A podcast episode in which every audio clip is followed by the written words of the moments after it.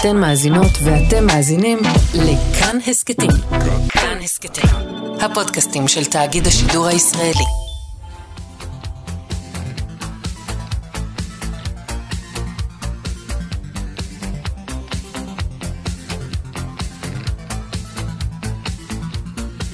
חלון גאווה עם איציק יושע.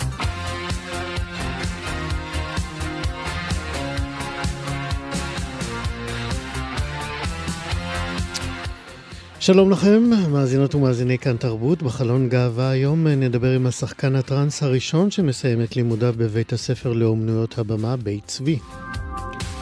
נדבר על אה, דוח הלהט"בופוביה ויום קהילת הלהט"ב שיצוין מחר בכנסת. נדבר גם עם אה, עמרי חורש, כותב הספר ילד שיצא לאחרונה. בצוות הבוקר טל ניסן, עורכת משנה ומפיקה את התוכנית הזאת, יובל יסוד הוא טכנאי השידור. אני איציק יושע, איתכם בכל חצי השעה הקרובה. חלון גאווה אז אמרנו, מחר אה, יתקיים בכנסת יום הקהילה הגאה. באופן אה, חסר תקדים, אפשר לומר. אה, שמונה מוועדות הכנסת ידונו בנושאים הקשורים בחיי הקהילה, קהילת הלהט"ב בישראל, ושיאו של היום הזה יהיה בהקמת שדולת חברי כנסת למען הקהילה. ב... אפשר לומר שבפרלמנט הזה, בכנסת אה, הנוכחית וזאת שקדמו לה, שמתקשות כל כך אה, לחוקק אה, חוקים פרו-להט"בים מובהקים, אז לאירוע כמו זה שמחר אפשר להתייחס בהערכה, לומר שזה לא מעט, וכמובן גם לברך. הכינוס הזה גם מתקיים על רקע דוח הלהט"בופוביה שהתפרסם לאחרונה. חבר הכנסת איתן גינזבורג מכחול לבן, אה, אה, שהוא גם חבר בשדולה, אה, מן הסתם, אמר לנו כי הדוח הזה מטריד וגם הוסיף את הדברים האלה. לתפיסתי את השינוי לא ניתן להביא רק באמצעות גינויים. צריך לתקוף את הבעיה החברתית הכל כך רחבה הזאת מכל הפינות, מחינוך צעירים לסובלנות בבתי ספר, דרך חקיקה וקביעת מדיניות ממשלתית שמבוססות על שוויון, ועד לאכיפה משמעותית של מקרי אלימות כלפי להט"ב. חבר הכנסת אה, גינזבורג, וכדי אה, לדבר על היום הזה בכנסת, על סולידריות עם הלהט"בים באוקראינה, גם על זה אנחנו רוצים לדבר, ועל התגברות הלהט"בופוביה בישראל. הזמנו את הילה פאר, שהיא יושבת הראש המשותפת של אה, האגודה למען הלהט"ב בישראל. שלום הילה. בוקר אור, צהריים טובים מאוד. אה, עוד מעט אנחנו בצהריים, נכון, אבל אנחנו עדיין בבוקר ואנחנו רעננות. עלייה במספר אה, מקרי השנאה. זה מה נכון. שמשתמע אה, מהדוח האחרון שהאגודה פרסמה. למה את, אתם באגודה מייחסים את העלייה הזאת? האם יש יותר דיווחים, או האם יש יותר מקרים באמת? אני חושבת שאפשר להגיד שני דברים. אני חושבת שאפשר להגיד שיש יותר דיווחים, ובמקביל גם יש יותר מקרים. ואם צוללים קצת לנתונים של הדוח, אפשר להבין למה זה מה שמשתמע ממנו. רגע נשים רגע בנקודה ראשית, קודם כל. מ-2018 ל-2021 אנחנו רואים הכפלה של מספר הסיבוכים לאגודה. ב-2018 היו קצת יותר מ-1,500, וב-2021 כמעט 3,000 דיווחים על להט"בופוביה. דיווחים זה למרכז ניר כץ, אנחנו נגיד שזה מרכז מידע שאוסף, אוגד את הדיווחים האלה. נכון, שחשוב לומר שהמרכז הזה בעצם נולד בעקבות הרצח בבר נוער. אחרי הרצח בבר נוער, שני אנשים מהקהילה, שגם קשורים לאגודה, ניגשו למשטרה להתלונן על תקיפה על רקע להט"בופובי. והמשטרה אמרו להם שאין להם איך לסווג את זה כתקיפה על רקע להט"בופוביה. המשטרה בעצם לא, לא אוספת נתונים כאלה.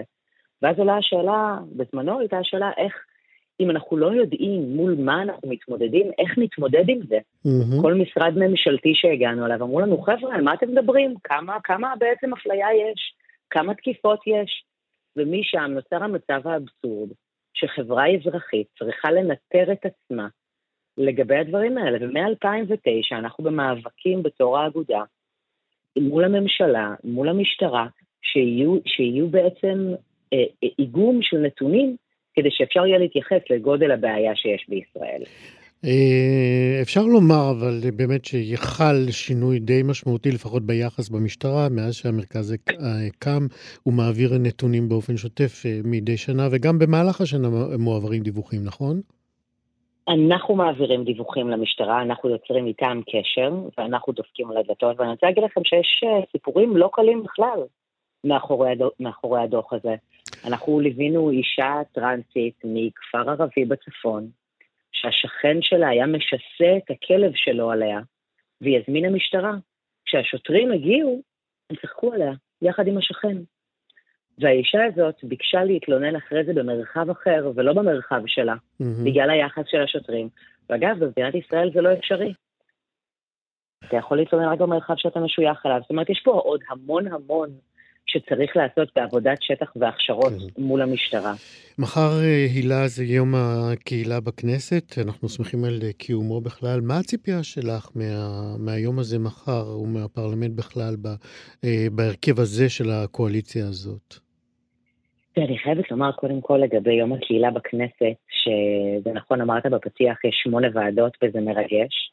אני רוצה לומר שבאופן אישי, מרגש אותי שיש כל כך הרבה חברי וחברות כנסת שהם לא מהקהילה, ולהם היה חשוב לנהל את הדיונים האלה. אני חושבת שיש פה שותפות של סולידריות שהיא מאוד מאוד משמעותית. המטרה של היום הזה, מעבר לפן הדקלרטיבי המאוד חשוב, זה לעשות פולו-אפים ולהעלות צרכים.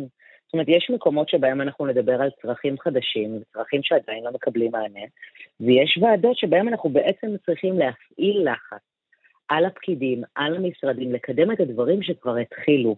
אני אתן דוגמה ואני אומר שבוועדה לשוויון מגדרי של עאידה תומא סלימאן, אנחנו הולכים לשים דגש גדול על היישום של ההמלצות של הוועדה הבין-משרדית לקידום של הקהילה הטרנסית. זה מרגש ומהמם ונכון שיש ועדה בין-משרדית, וזו הדרך הנכונה לעבוד. אבל מה עם ההתקדמות שלה? אנחנו חיכינו כבר כל כך הרבה שנים, אנחנו לא מתכוונים לחכות באותו קצב, ואלה המקומות להפעיל בהם את הלחץ. יפה, ועוד מקומות שאנחנו uh, צריכים uh, לשאת אליהם עיניים, זה מעבר לגבולות שלנו, אבל מה לעשות, יש מלחמה באוקראינה, וגם הקהילה בארץ אה, מביעה סולידריות לא רק עם אזרחי אוקראינה באשר הם, אלא גם עם הקהילה. איזה פעולות האגודה יצרה לתמיכה בקהילת הלהט"ב באוקראינה? אני חושבת שהקהילה באוקראינה נמצאת במצב מאוד מפחיד. חושבת שכבר שנים כולנו יודעים לעקוב ולהסתכל על המצב של הקהילה הגאה ברוסיה תחת המשטר של פוטין. וזה לא חדש לנו שהמצב שם לא טוב, הוא הרבה יותר גרוע מבאוקראינה עצמה. והאוקראינים יודעים ממה לפחוד. בדיוק, אמ, ואני חושבת ש...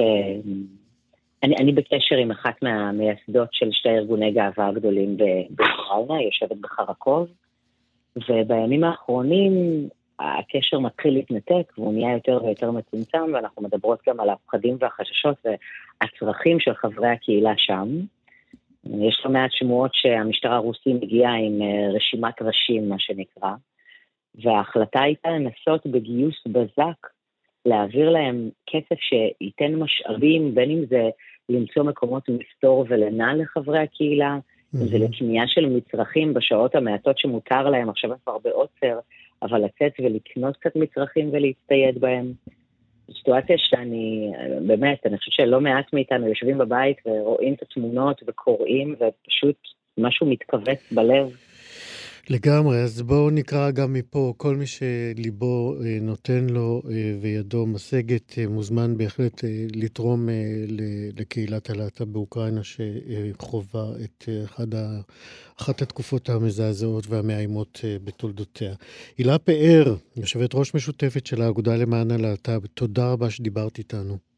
תודה לכם. להתראות. יום טוב. חלון גאווה בנייר שמצורף אה, לספר שנדבר בו עכשיו אה, נכתב כך: עד היום התרבות הישראלית אה, עסקה בסוגיות שונות של הורות ושל התא המשפחתי. בשנים האחרונות הולכים וגוברים הקולות הדוברים את המצוקה של ההחלטה לא להביא ילדים לעולם. אבל מה יהיה על אלה שרוצים בכל מאודם להיות הורים ולא יכולים?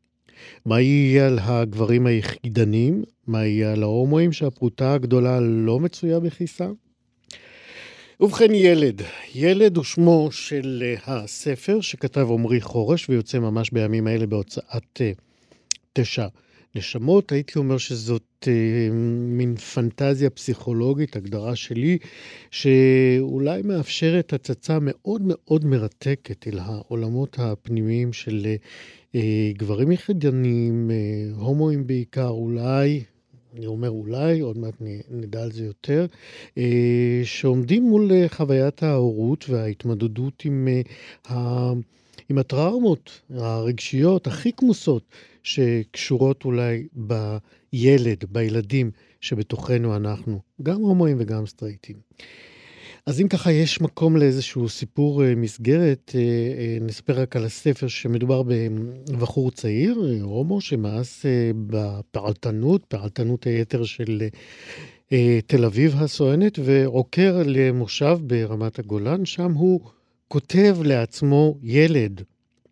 הספר הוא בעצם סוג של מונולוג הייתי אומר, גם מטריד וגם מרתק בו זמנית, אה, וגם מאוד מפתיע באומץ שלו, וגם אה, גם זה צריך להגיד, וגם מבהיל. אה, בהגיעו לגיל 18, כך מוסר לנו המספר, הילד נעלם.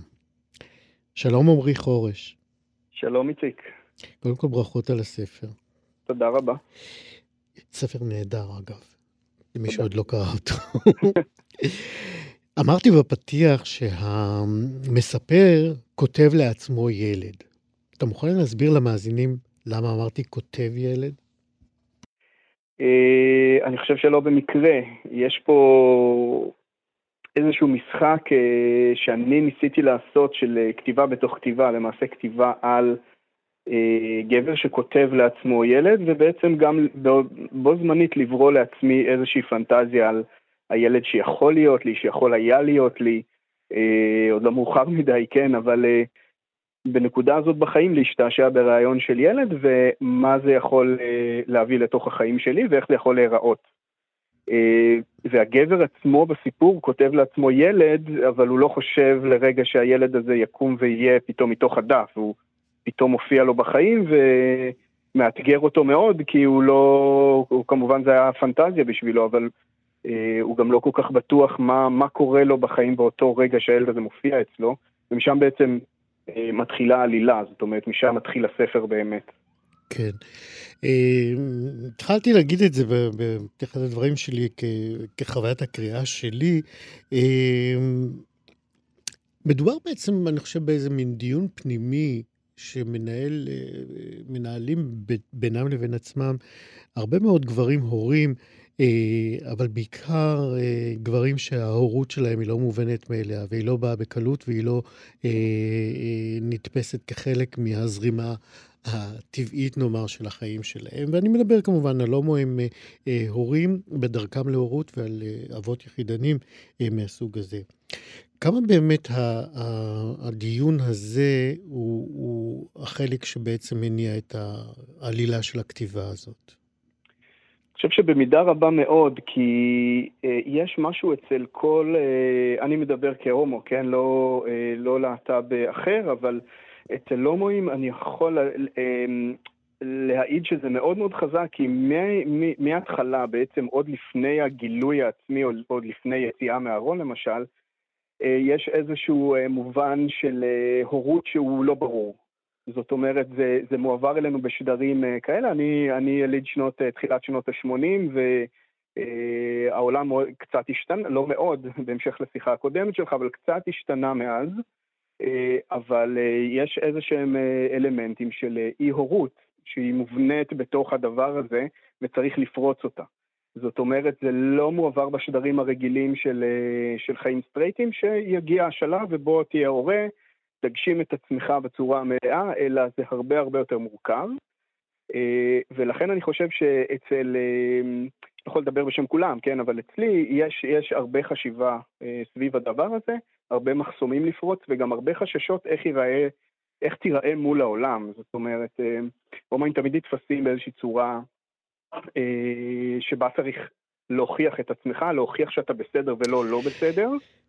אה, וזה מציב הרבה מאוד אתגרים. זהו, ואני רוצה לאתגר אותך באמת, דווקא אפרופו כך, אלא אחת הפעמים היחידות ב- ב- ב- בספר, והן לא רבות, אה, שבו אה, המספר אה, אה, מזכיר את עובדת היותו הומו, אה, אה, היא דווקא בהקשר של חוסר אחריות, של אה, הפקרות, של, אה, אתה יודע, של התחברות, ופה זה החלק האמיץ בכתיבה שלך, של התחברות לפנטזיה שאני בטוח שיש לכל הורה, של קחו ממני את הילד הזה לפחות ליום, יומיים, שעה, שעתיים, אני חייב שקט ממנו.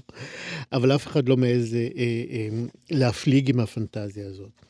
ובספר אתה כן מתאר, אה, אה, המספר, כן? שהוא כן מעז לעזוב את הבית בלילה עם הילד לבד לטובת סקס פרוע עם גבר מזדמן. זה קצת מאוד קפץ לי, כאילו הפעם היחידה כן. שהנסיבות הן הומואיות מובהקות, הן כרוכות בהפקרת הילד. כן, זה מעניין אה, שאתה מעלה את זה, אה, מכיוון שאני באמת לא חשבתי על זה בזמן הכתיבה, זה הגיע באופן מאוד אינטואיטיבי, אבל אם אני חושב על זה עכשיו, יש פה באמת אה, חוסר, חוסר קבלה של אחריות מלאה על הילד הזה, כי בעצם הוא, הוא כותב, הוא לא יוצר אותו באמת, הוא כותב אותו, והוא כל הזמן לא בטוח אם הוא קיים או לא קיים, ו, ו, ולכן זה גם מאפשר לו לא להיות אחראי במידה מלאה. זאת אומרת, הוא עדיין משחק על הלימינליות הזאת, על הקו של אה, אה, מותר לי, אסור לי, אני יכול אה, להפקיר או לא להפקיר.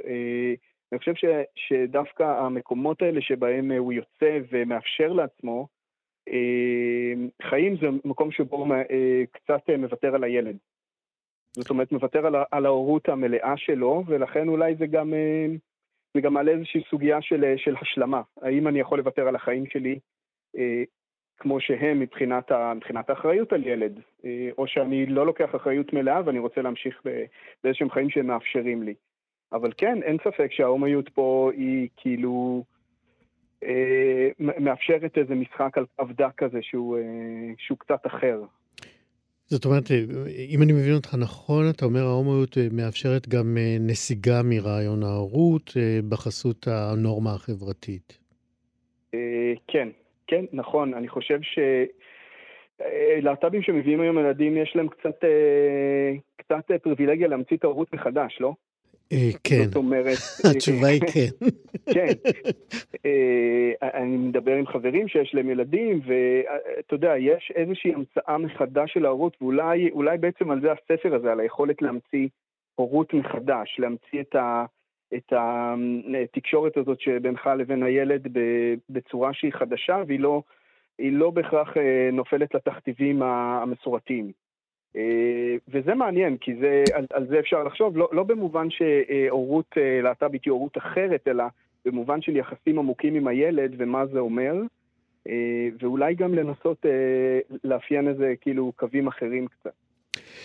אמרתי אה, שיש המון אומץ בכתיבה, והדיאלוג הפנימי הזה עם, אה, עם חלקים אה, לא פשוטים, אחד מהם זה באמת, אתה מדבר שם, הכותב, כן? אתה הכותב, עם, עם הילד על העירוב בין הפנים לחוץ, משהו שבאמת מלמד על אה, חרדה נורא גדולה מפגיעה, מפגיעה של החיים האלה. ש... שזאת שאלה שמסתובבת שם כל הזמן, לאיזה עולם אתה כותב את הילד הזה? לאיזה עולם אתה מביא אותו? אה, אה, והחשש הנוראי הזה שהחוץ יפלוש פנימה, שיפרוץ את המעטפת הזאת שבעצם מגינה עלינו כל הזמן.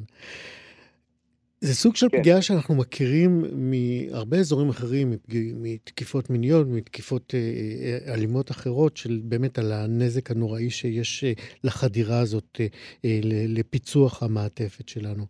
כמה באמת החוויות האלה, הפרטיות שלך, נכנסו לכתיבה הזאת? תראה, אני חושב שהחרדות שאני מתאר בספר, הן, וזה, וזה גם מה שעלה בשיחות שלי בעקבות קריאה של... אה, של חברים ואנשים ש, שלא מכירים אותי שהם, אה, שהם דווקא סטרייטים, וזה כן משותף לעוד הורים. זאת אומרת, יש פה איזושהי חרדה בסיסית מ, אה, להביא את הילד שלך לעולם שבהתחלה הוא לא, הוא לא מוגן בו, זאת אומרת, אתה, אתה המגן היחיד, וכשאתה מחליט להיות הורה, אתה מחליט להיות איזשהו מגן כזה. שהוא מאוד, אה, מאוד מוחלט. מאוד מוחלט ומאוד מאתגר, כי, ה... כי נורא, קשה, נורא קל ליפול לאיזה סימביוזה, כמו שאתה מתאר גם בספר, אה, עולם אחד סגור, מוגן מפני העולם כולו, אה, הילד שמור ומשומר. זו בדיוק, זו בדיוק הדואליות הזאת, כן. כי אם אתה, אם אתה סוגר ומשמר את הילד, אתה בעצם פוגע בו. זאת אומרת, בצורה עקיפה, בסופו של דבר התשובה היא ש, שילדים אה, או בני אדם בכלל הם פגיעים בכל מקרה, אי אפשר לשמור אותם כך או כך.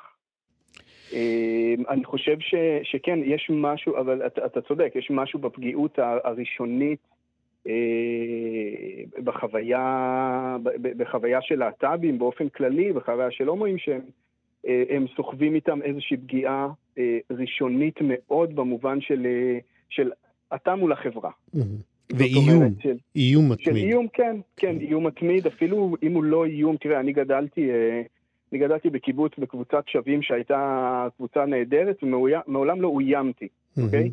אבל, אה, ואני, והיום אני מאוד יכול להודות על כך, אבל אה, האיום הוא תמיד מרומז, כי, כי זה אתה מול הנורמה. זאת אומרת, הנורמה היא תמיד קובעת, שלטת, ואומרת לך מה, מה היא דורשת ממך ומה היא רוצה.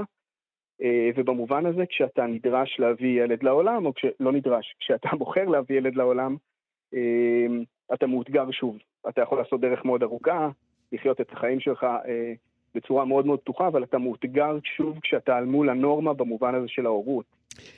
ואז הפגיעה צפה ועולה שוב. כן, ומכיוון שאתה כתבת את הילד הזה, הייתה לך גם הפריבילגיה לא להביא אותו לעולם, כי בגיל 18 הוא נעלם. אה, אבל אני חושב שאת השיחה הזאת אנחנו נצטרך לעשות כבר בזמן אחר, כי הזמן שלנו תם. עמרי חורש, ספר ילד נהדר, שימו יד עליו, קראו אותו. תודה רבה שדיברת איתנו. תודה רבה, איציק. להתראות. ביי ביי. חלון גאווה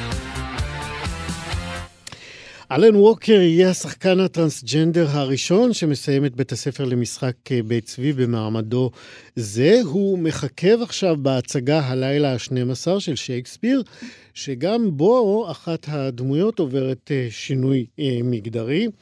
נספר לכם שאלן ווקר הוא בן 25, הוא קיבוצניק, יש לנו הרבה קיבוצניקים היום, שני קיבוצניקים. אה, ורגע לפני שהוא יוצא אל שוק התיאטרון המקצועי, הוא מתחיל אה, ככה להפנים את ההיסטוריות, כן, שיש במעמד שלו של אה, אלן ווקר. אני שמח עכשיו לומר בוקר טוב, אלן ווקר. שלום, בוקר טוב. מה שלומך? אני בסדר גמור, מה נשמע? אה, בוא נשמע ממך, אני קראתי איתך ראיון שבו אתה אה, מספר באמת על ההליך המורכב הזה של התאמה מגדרית, ואתה אומר שמה, ההתאמה הזאת לא מתחילה ביום אחד וגם לא מסתיימת אה, כמעט אף פעם. נכון. ת, תשתף אותנו ב, ב, בטוטליות הזאת של התהליך הזה, כמה היא חלק מהיומיום שלך. אמ, אני חושב ש...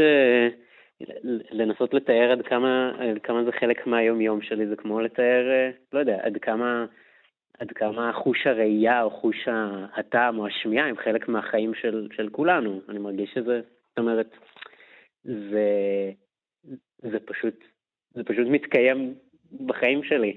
אה, העובדה,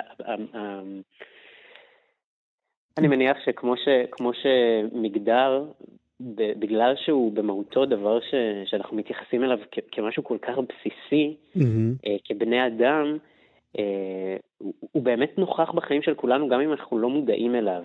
זה פשוט שכש... כש, כשמציבים אותך בתוך משבצת מגדרית שלא מתאימה לך, אה, אז אתה פתאום מתחיל לשים לב לזה. אה, ואתה נוכח לדעת באמת עד כמה זה קיים בחיים שלך. ולך כשחקן או כסטודנט, אתה מסיים השנה, נכון, את בית צבי? נכון, כן. נכון, בסוף השנה. דווקא מזדמנות לך הזדמנויות מעניינות מאוד להתמודד או להיפגש עם החלקים האלה של שינוי מגדרי או התאמה מגדרית. דיברתי, אמרתי בפתיח שגם הדמות שאתה מגלם בלילה ה-12 עוברת שינוי. מגדרי? כן. האם הוא דומה לשלך? אני לא בטוח. תספר לנו אתה. אני אספר.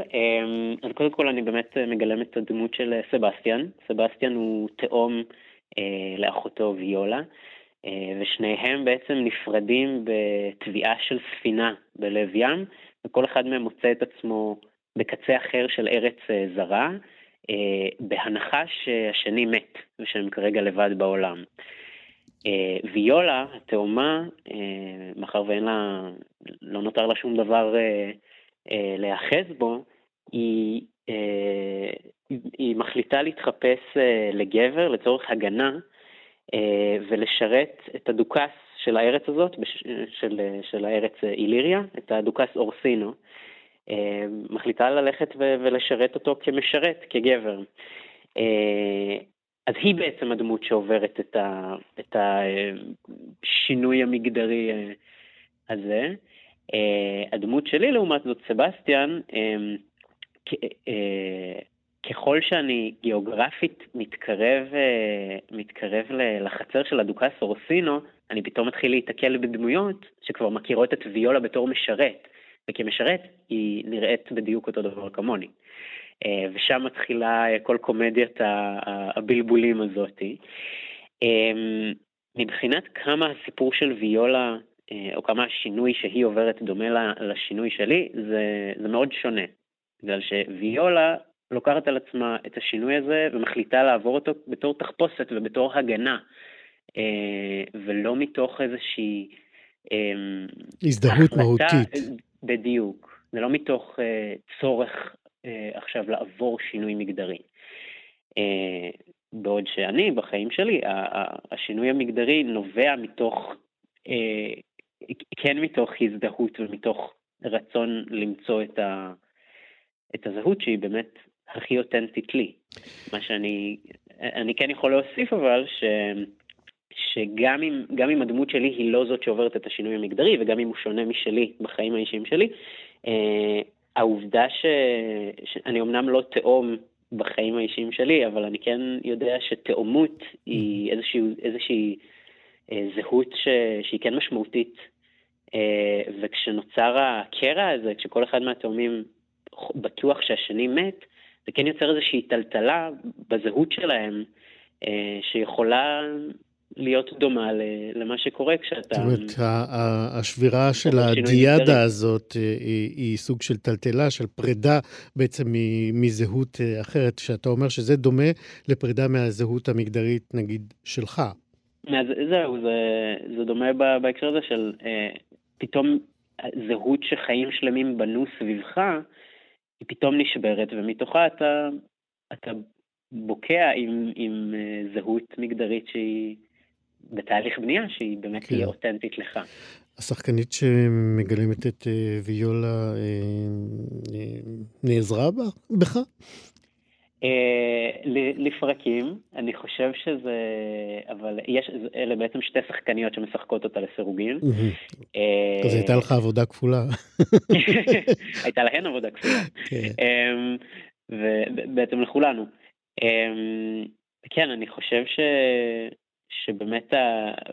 בגלל השוני הזה בין המניעים לעבור את השינוי המגדרי, אז הן, הן יותר התייחסו לזה אה, ממקום של, אה, של תחפושת, שאני חושב שזה זה, זה, זה לא שגוי להתייחס לזה ככה, כן. להתחשב בדמות שלהם, אבל כן שאלו אותי אה, כל מיני דברים על, על התחום הזה באופן כללי. כן. אנחנו נצטרך לסיים עוד מעט. על איזה תפקידים אתה חולם בתיאטרון? או וואו. אמ, באופן כללי אני יכול להגיד שמעניין אותי מאוד, מאוד הייתי רוצה להצליח אה, לקיים על במה ולהיות על במה דברים ש... שמאתגרים אותי כבן אדם. אולי זאת אה, תשובה קצת נדושה, אבל תן לי דוגמה לתפקיד. אני מאוד הייתי רוצה לשחק את המנחה מקברט, וגם מה... היכולת הזאת לבטא מתירנות מינית כזאת על במה וקינקיות ו... ודברים כאלה, וגם להביא מסר ביקורתי, וכן, כן. אה, זה, זה משהו שמאוד הייתי רוצה, ובאופן כללי לעסוק עוד בשייקספיר ובדמויות יצריות יותר, אה, מניפולטיביות יותר. אלן ווקר, איך אתה עם התואר הזה, השחקן הטרנסג'נדר הראשון? אני אמרתי עליו אה, כמה פעמים שאני, אני אישית קצת מסתייג ממנו, אני, אני כן מניח שיש עוד אנשים מהקהילה הטרנסית שעוסקים אה, באומנויות הבמה, אה, וכן... אבל אתה הראשון שבעצם מתחיל את הלימודים ומסיים אותם כטרנס. כן, או לפחות בבית צבי. כן, אה, אני מניח, אני מקווה פשוט להיות עוד, עוד ייצוג מתוך אוסף של ייצוגים. אני בטוח שזה מה שיקרה לך, כי מגיע לך.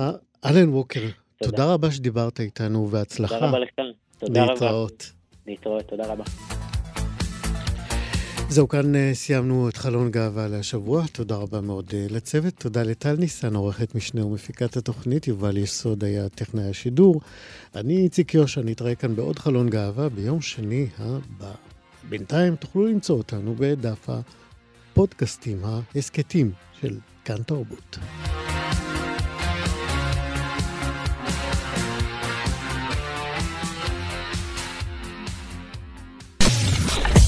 אתן מאזינות ואתם מאזינים לכאן הסכתים.